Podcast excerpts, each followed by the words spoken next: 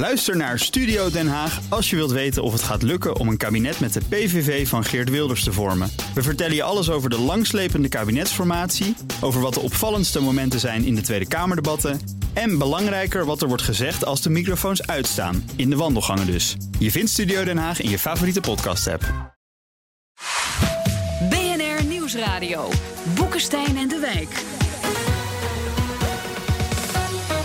Hugo Reitsma. Europa uitgezonderd van Trumps staaltarieven. Eerste slag in de handelsstrijd gewonnen.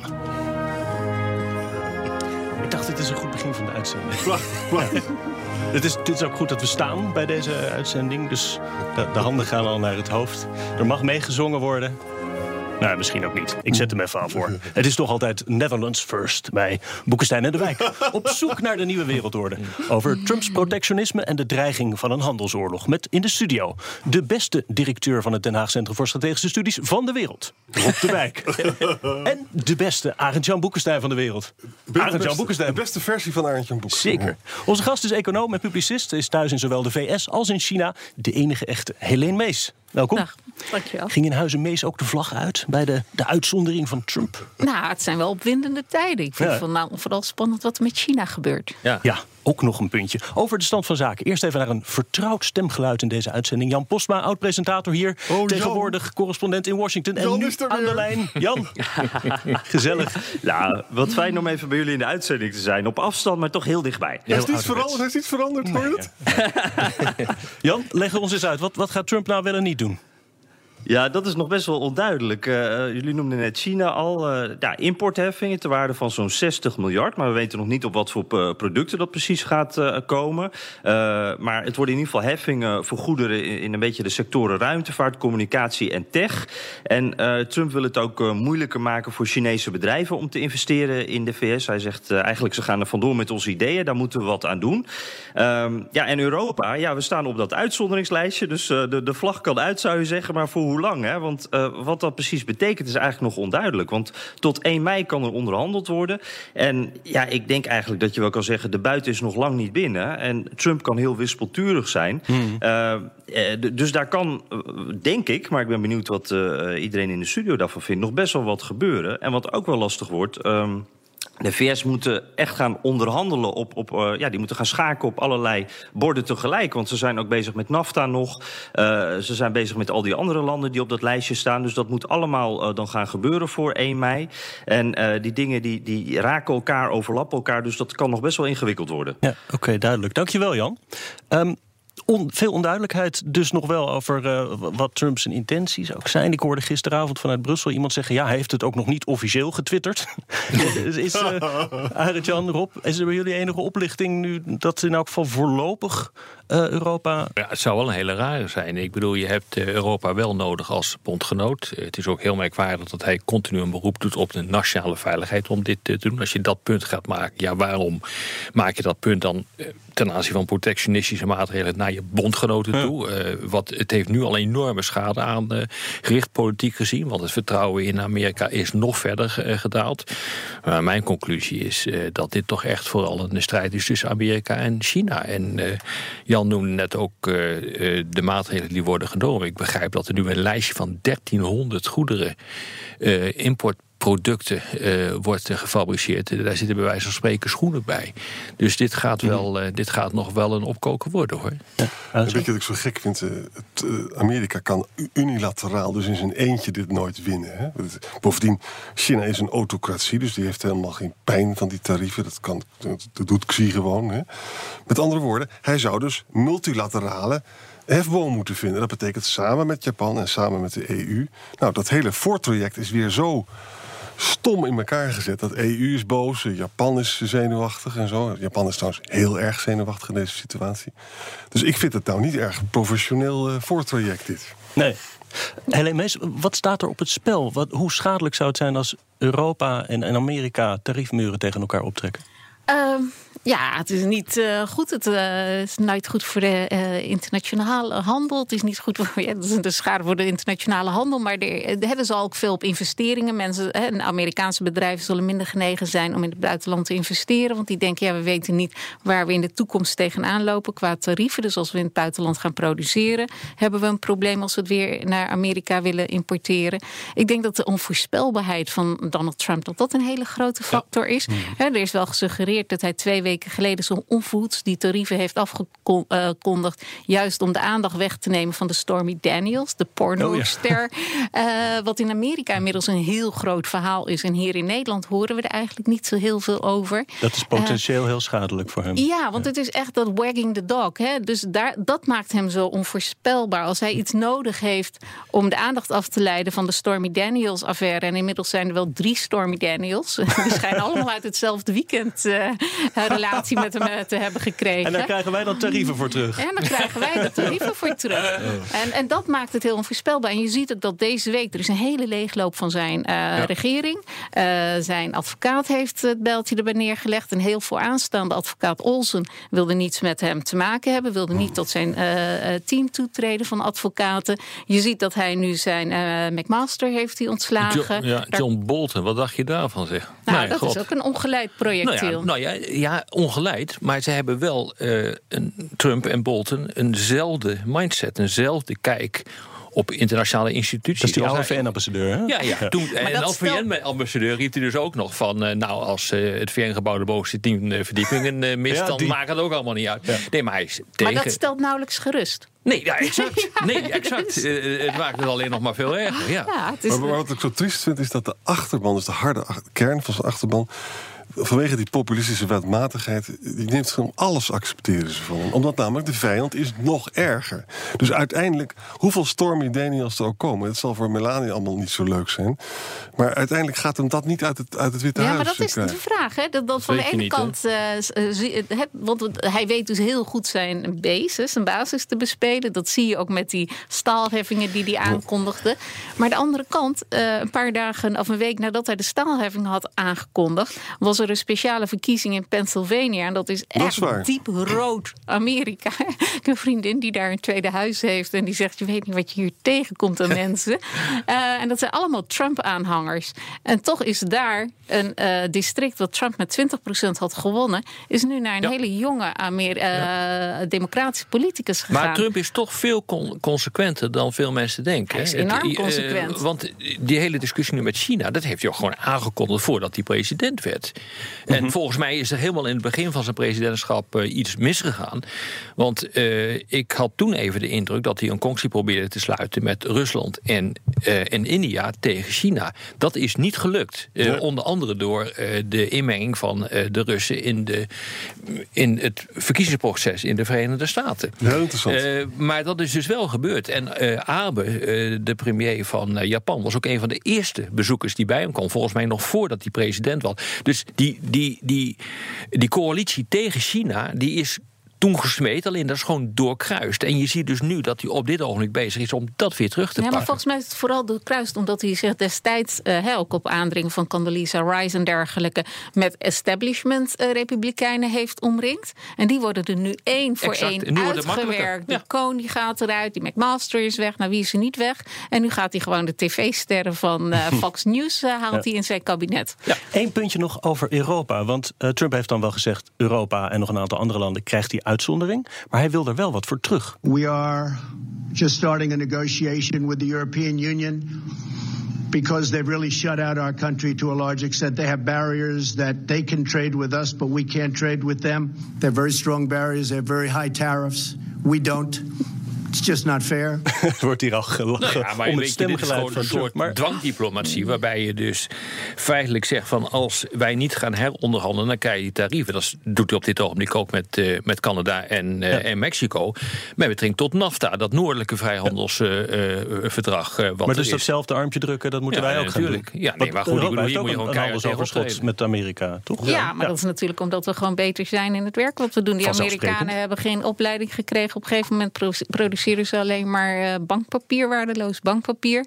Uh, dus je hebt toch een, een beetje solide basis nodig, zoals de Duitsers, om uh, iets van waarde te produceren. Maar wat hij zegt is niet waar, dat, dat Europa handelsbarrières heeft die Amerika niet nee, heeft voor Europese denkt, producten. Weet je wat hij denkt dat de handelsbarrières zijn? Dat is de BTW-tarief. Hij snapt de werking van het BTW-tarief niet. Hij Oh. denkt dus dat alleen Amerikanen de BTW moeten, dat alleen over Amerikaanse producten de BTW moet worden uh, afgerekend en niet over Europese producten. Hij heeft geen enkel idee waar hij het over heeft. Het is ook ingewikkeld.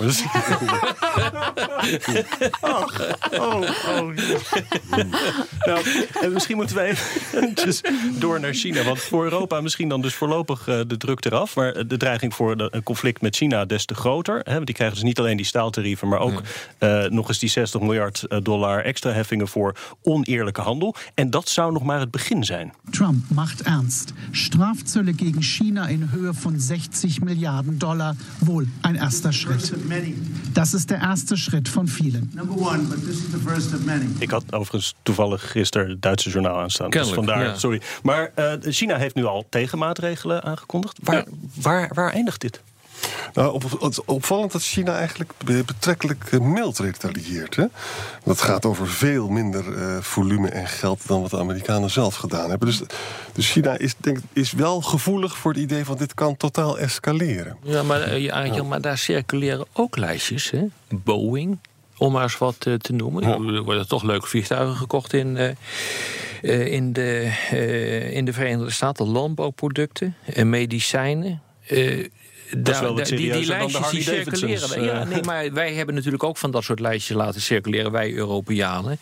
Met eh, wat, laten we zeggen, iconische merken erop als Harley Davidson. ja. Davidson. Nou ja, dan denk je, nou oké, dan krijgen we die dingen hier niet. Ja. niet dat, is dan, eh, dat is dan pech hebben.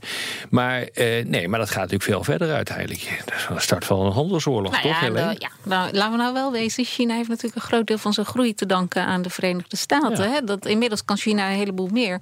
Maar destijds, in de, toen het toetrad eh, tot de Wereldhandelsorganisatie eh, in eh, 2001, had het vooral heel veel mensen die in diepe armoede leefden. Dus heel veel goedkope arbeid. Ja, en om te ontkennen dat dat gewoon hè, samenlevingen als die in, in de Verenigde Staten en ook hier in Europa enorm heeft geschaad. En dan met name de lagere middenklasse. Ja, dat moet je ook niet ontkennen. Dus eh, China heeft ik, niet eh, Amerika uitsluitend meer nodig om te groeien. Daarvoor heeft China natuurlijk inmiddels hè, is het een soort eh, zelfbrandend kacheltje geworden. Inmiddels zijn er zoveel Chinezen die al middenstand hebben bereikt dat daar heel veel voor geproduceerd kan worden. Maar nog steeds is de export naar de Verenigde Staten, het handelstekort met de Verenigde Staten, eh, was op een recordniveau vorige maand. Ehm, dat is voor China nog steeds een hele welkome eh, aanvulling op zijn economische groei. Ja. Eh, en daar, ehm, ja, dus China zal echt op, ja, die, die zal heel voorzichtig treden, zodat het inderdaad niet escaleert. En, en Trump die vraagt in ruil eh, dan dus eh 100 miljard graag minder, dat, dat handelsoverschot. Toch? Dat, dat is een soort doelstelling die ze, die, die ze Ja, heeft maar het is ook zo ingewikkeld om daar een doelstelling van te maken. Want als de Amerikanen nou eens wat mooiere, mooiere economie. Ja, het is een planeconomie. Mooiere auto's zouden produceren die wij Dat zouden wij bijvoorbeeld in Europa nog een keer willen. willen hebben, ja. het is juist het probleem dat eh, zelfs de directeur van Ford Nederland durfde dat wel ronduit te zeggen. Ja, ze maken gewoon te lelijke auto's. Ja. Straks, vorig jaar werkten we nog aan vrijhandelsverdragen. Nu trekken we muren op. Is het tijdperk van de vrije wereldhandel voorbij? BNR Nieuwsradio.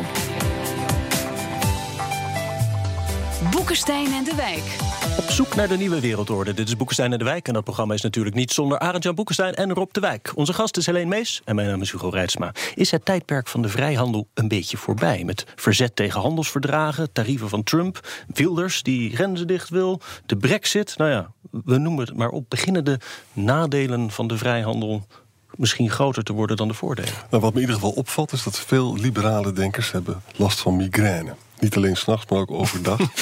Want het, het, de vrijhandel heeft heel veel voordelen, maar het leidt ertoe, dat lijkt er sterk op dat de ongelijkheid ergens vergroot. Dat er dus voor bepaalde sectoren is een hoge prijs betaald. De ellende is alleen, als je dan protectionistisch gaat worden, dan kan je misschien eh, een bepaalde groep be- beschermen, maar de welvaart als geheel neemt af omdat alles duurder wordt. Protectionisme betekent gewoon dat consumenten meer moeten betalen voor producten. Ja, maar voor die arbeider maakt dat feitelijk, ja, of de totale wereldeconomie groot wordt, is voor die arbeider die, in, wil zijn het, eh, ja, die in de Amerikaanse Rust Belt woont, maakt het niet zoveel uit. Hij vindt het niet erg als die wereldeconomie een klein stuk, eh, een beetje kleiner is, als zijn aandeel daaruit maar groter is. Als die zijn baan houdt, dan is hij altijd zijn meer baan winst houdt, dan, dan is het ontzettend dan veel een meer goedkope winst. tv. Ja. En, er, er komt nog iets bij in onze eigen geschiedenis. Duitsland is zelf na 1880 zich af gaan schermen voor de Britse industrie, omdat ze zo sterk Mhm. waren. En achter die tariefmuur is de Duitse industrie heel erg sterk geworden. Dus zij zijn zelf ook, zijn allemaal voorbeelden van protectionistische strategieën die succesvol zijn geweest. Dus, Maar de grote vraag is, hoe kan dit nou eigenlijk? Dat heeft natuurlijk iets te maken met inderdaad die stagnerende eh, lonen. Of, ja, het, eh, het reëel besteedbare loon, wat eigenlijk gewoon al decennia lang, zeker in Amerika, op nul staat. Maar het heeft ook te maken met, eh, met die grote veranderingen die plaatsvinden in eh, de wereld. Dat maakt ook onzeker. Dat protectionisme, nationalisme, soevereinisme in Europa. Dat is, een, dat is een logische reactie op een hele volatiele wereld. Heel grote eh, veranderingen, waardoor je eigenlijk de roep om bescherming gaat eh, krijgen. Nou, dat leidt automatisch tot protectionisme. Hebben we in de jaren dertig ook eh, gezien. Ja, En- en dat is niet helemaal het hele verhaal. Want bijvoorbeeld de veranderingen in China zijn nog veel groter. Ja. Zeg maar, ik ging daar naar mijn kapper en ik zei van hoe ervaar jij het nou? En die zei van dat mag voor mij wel even een tandje minder. Hè, Ja, maar dat is perspectief, En Helene. 7, 8 procent Ja. Ik, Economische groei? economische groei per jaar is echt heel veel. Daar word je Ja. horen dol van. Maar zij zijn heel optimistisch, want zij gaan Ja. vooruit. Dus En wij gaan achteruit. En wij gaan achteruit. En dat maakt eh, wat mensen bitter maakt. Kijk eens naar, ook zelfs in Nederland, waar eh, de laag opgeleide eh, mannen, daarvan is de participatiegraad nu 12% lager dan die tien jaar In geleden Amerika is veel erger. En dat is echt ongelooflijk. Ja, in Amerika gaat zelfs hier een hele toename in het eh sterftecijfer. Dus zelfmoord, eh, mensen die aan eh, drugs, drank en alle ellende doodgaan. En zelfs in Nederland zag je dat, maar weten we niet of dat een statistisch gegeven is. Dus dat verdient nog meer Maar- bestudering. Maar Rob, als- jij, jij verwijst dan al snel naar de jaren 30 als je het hebt over protectionisme. Maar als ik het zo aan de andere kant hoor, kan je ook zeggen: ja, misschien hebben we ook een beetje protectionisme nodig tegen die volatiele wereld. Nou, het lijkt mij geen goede zaak. Want als je dus in die volatiele wereld overeind wil blijven, dan is zelfs Amerika te klein. Dan moet je dat dus doen met je bondgenoten. Eh, eh, en ik begrijp ook, er zijn ook antidumpingmaatregelen ten opzichte van wat er uit China komt. Ik bedoel, dat kan je, daar kan je natuurlijk ook voor kiezen. Daar kiest de Europese Unie ook voor. Nee, als je dus in deze volatiele wereld overeind wil blijven, en dit is gewoon een pure machtsstrijd met China, in mijn, eh, in mijn mening, dan moet je gewoon samenwerken. Doe je dat niet en blaas je dus die transatlantische relatie op, en dat doet het protectionisme van, eh, van Trump op dit ogenblik, nou, dan heb je wel een probleem hoor. En gelukkig het grote verschil met de jaren 30, want dat is natuurlijk echt een horrorscenario. In de jaren 30 is alles misgegaan en het eindigde met de nazi-barbarij. hè. grote verschil is, we hebben nu internationale instituties. Hè. We hebben de Europese Unie, we hebben de NAVO, maar we hebben ook de WTO. En we, laten we nou hopen dat daar toch nog een remmende invloed van uitgaat. Ja, maar, eh, Jan, hoop Maar ja, is jullie geen, zijn hoop ook is geen strategie. Kijk, jullie en we zijn, wij allemaal hier zijn natuurlijk wel degene die profiteren van de globalisering. Ja. Hè? Wij staan nog wel bij de winnaars. Nog wel. En ehm, de vraag is van hoe los je de problemen op van de verliezers? Hoe neem je hun on, onlustgevoelens Is weg? waar. En ik zie dat, want als je een wereldwijd arbeidsoverschot hebt, hoe ga je dat oplossen? Kijk, zelfs hè, de hele tijd hebben economen gedacht, nou ja, tegen 2020, 2025, dan is dat arbeidsoverschot in China wel opgelost. Dan is die concurrentie daarvan van die laag eh, goedkope arbeid is weg. Maar je ziet, China gaat nu al Gaat naar naar Afrika, Afrika. toe Ja. om daar een textielindustrie op te zetten, om daar de eh, laag eh, goedkope arbeid te exploiteren. Nou dat probleem dat nee, houdt maar dit niet op. verklaart, dit verklaart En- volgens mij waarom je overal in de westerse wereld nu een discussie krijgt over bijvoorbeeld basisinkomens. Of dat nou de oplossing is, moet nog blijken. Dus dat je meer Maar- moet herverdelen Ja, eigenlijk dat binnen is een de herverdeling. En je legt dan een basis eh, eh, binnen je maatschappij waarbij iedereen een, eh, nou, wat de naam Ja, maar zegt dat het al. verwacht wel dat de kapitalisten bij gaan dragen aan Ja, belastingen. exact. En dat zien we juist dat dat niet gebeurt. Des te hoger de winsten worden, des te lager de effectieve belastingdruk. Hè, de effectieve belastingen eh, die, bela- die bedrijven af, eh, Maar, maar, afdragen. maar alleen even terug naar dat textielvoorbeeld. Want dat, in de geschiedenis zie je dan dus, dat is eigenlijk al, Europa heeft het al verloren. Dat is, dat is gewoon geoutsourced. Hè. En met andere woorden, Twente, dus Ja. ik weet waar ik het over heb als het over textielindustrie gaat. En het gevolg daarvan is dus van mijn dochters. Ik heb drie dochters en die kopen voor helemaal voor niks kopen ze kleren. En die hebben kasten vol met al die onzin. Hè? En dat betekent dus de levensstandaard is enorm verhoogd daardoor. Met andere woorden, het is misschien nog steeds mogelijk dat je toch nog steeds iets Ja, van maar hier gaat het weer. Jij arbeidsspecialisatie... bent de winnaar. Kijk, Ja. jij bent niet je baan kwijtgeraakt. Terwijl jouw dochters wel eh, die goedkope rommel konden kopen. Eh, maar andere mensen, hè, degene die die baan hadden in de textielindustrie... of die al op, op plekken in de industrie in eh, Amerika werkten... die konden wel de goedkope rommel eh, kopen. Maar toen ze hun baan kwijtraakten, was Ja. dat weinig soelaas. Maar als je naar Nederland kijkt, 4% werkloosheid hebben we op dit ogenblik. Ja, Dus maar we mag- hebben twee keer zoveel eh, arbeidsongeschikten per duizend Nederlanders als eh, België. En dat kan toch niet verklaard worden uit het verschil in eh, ziektekosten, eh, zieke, ziekenzorg. Dus, Dat komt door de politiek, komt dat. Ja, dat lijkt mij ook. Maar eh, dus zeg maar, het probleem van Nederland is dat het onbenut, onbenut blijven, onderbenut blijven van arbeidscapaciteit. dat is natuurlijk ook een heel groot probleem Ja. hier. En wij wo- moffelen Maar het dan is dit probleem toch niet makkelijk oplosbaar. Ik bedoel, wat ik net heb gezegd, die grote verandering in de wereld, nou, dat gaat nog een paar decennia door. Als het zoals het zich laat eh, aanzien. Het probleem van de inkomens, wat jij terecht noemt, dat is niet makkelijk oplosbaar. Dan krijg je toch gewoon nu een tijd van, eh, van volatiliteit. Dat kan toch niet anders? maar- En sociale onrust, dat gaat toch een hele tijd doorduren. Want ik vind het heel opmerkelijk, historisch gezien, had, laten we zeggen, het populisme eigenlijk al weggedreven moeten zijn uit onze maatschappij. Dat is dus niet het geval. En dat heeft toch denk ik deze verklaring. Ja, en dat heeft natuurlijk dat gewapengekletter wat tegelijkertijd. Hè, het reëel niet alleen dreigen met handelsoorlogen, maar zelfs met echte oorlogen. Dan moet je dus ook niet hè, al te licht opnemen. Want dat is echt heel serieus. Ja. Het kan maar zo, er hoeft maar iets kleins te gebeuren en dan gaat gewoon de fik erin. En eh, in die zin is het denk ik ook heel erg. eh, ja, verontrustend dat Donald Trump, die eerst eh, omringd was met allemaal mensen uit het establishment republikeinen, dat hij zich nu echt eh, omringt met allemaal ook, mensen die eh, hetzelfde zijn echt- als hij. Dat is echt gevaarlijk. ja, dat is een, absoluut. Ja, kijk, nee, eh, oorlogen ontstaan niet omdat men een oorlog wil, maar gewoon omdat er misschattingen worden gemaakt, of dat er een bepaalde ideologie achter zit. En denkt van, nou ja, dit kunnen we wel doen, dit houden we wel in de hand. Nou ja, we hebben gezien eh, deze manier van denken wat er gebeurde in 2003 toen Bush inviel in Irak. Die dacht van, nou, als we invallen, dan breekt de democratie wel uit. We Het zitten zou, nu nog. het zou wel met een oplossing kunnen zijn eh, voor het overschot aan arbeidspotentieel. Absoluut. Er zijn, eh, zijn, ja, maar er zijn oorlogen Ja. eh, zijn daar heel effectief in gebleven. Je had toen die eh, eh, um, Tracy the Riveter, of wat is haar naam ook alweer? Rosie the Riveter. Dat is zo van de vrouwelijke arbeidskracht. Waar de vrouwelijke arbeid, dat was omdat er geen mannen meer waren om arbeid te verrichten na het eind van de Tweede Wereldoorlog in de Verenigde Staten. Dus dan is er een tekort aan arbeid. En dan zie je ook een periode waarin we relatief hoge inflatie. Hè, arbeiders kunnen hele hoge loonsverhogingen eisen.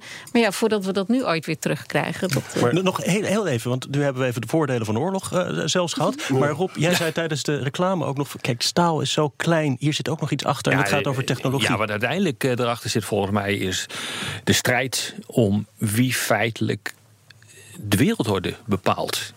Eh, we zitten in een situatie waarin China al komt. Nu eindelijk eens een keer beginnen mensen te begrijpen dat dat niet zonder consequenties is. Dat hebben we heel lang hebben we dat voor ons afgeschoven. Maar waar het echt om gaat in mijn eh, optiek, is een strijd om de technologische dominantie in eh, de wereld. Wie gaat die race winnen?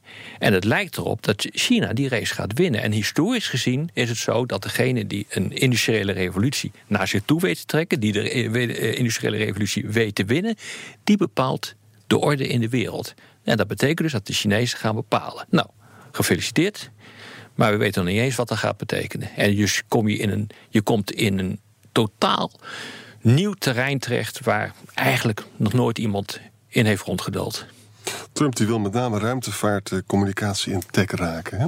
Ja. Daar zitten natuurlijk ook precies die dingen waar spionage in zit en waar, waar hele gevaarlijke dingen Nee, gebeuren. er zitten de standaarden in die je Ja. gaat bepalen. Wie gaat de standaarden bepalen voor autonoom rijden? Ja. Dat wordt waarschijnlijk China, omdat die volgens mij nu voor ligt op het gebied van artificial intelligence. Nou, als je zo gaat redeneren, dan worden de standaarden in de toekomst door China bepaald Ja, en niet meer door ons. Wie bepalen de standaarden van de nieuwe wereldorde? Dat is een mooie Ja. slot. En daar moeten we het dan ook weer bij houden. Want dit was weer eh, Boekenstein en de Wijk. Namens Arend-Jan Boekenstein en Rob de Wijk zeg ik dank voor het luisteren. Speciale dank aan Helene Mees natuurlijk. Boekenstein en de Wijk is elke zaterdag om 11 uur. Maar wanneer u maar wil online, abonneert u zich daar op de podcast. En laat weten wat u vindt in iTunes. En we hebben nog reacties, toch Rob? Twee. Vijf sterren. Twee keer voor een van Baboon Stars. Met recht een vijf sterren rating. Heerlijk om op niveau bijgepraat te worden. Na een drukke kantoordag. En we hebben ook vijf sterren van Geert Vermunt. Eindelijk sprekers met kennis van zaken nou. Scherpe analyses van actuele geopolitieke thema's met goede gasten. Nou, vandaag was dat toch ook weer het hoor je dat? ja. Waardevol zijn de, nou komt hier, de pakkende samenvattingen van de heer Boekenstein. Arend Jan. Allemachtig. De heren mogen van mij meer zendtijd kijken, krijgen. En kijk ook weer uit naar een nieuw tv-seizoen. Gaat die er komen, Arend Jan? Volgend jaar. Ja? Hartstikke idee. Oké, nou mooi. Vijf sterren voor ons. En natuurlijk de eerste slag in de oorlog gewonnen voor de Nederlandse staalarbeiders. Ik zeg Leven de koning! tot volgende week. Ook Thomas van Zeil vind je in de BNR-app. Je kunt live naar mij luisteren in Zaken doen, de BNR-app met breaking news, het laatste zakelijke nieuws en je vindt er alle BNR-podcasts, bijvoorbeeld Het Nieuwe Geld. Download nu de gratis BNR-app en blijf scherp.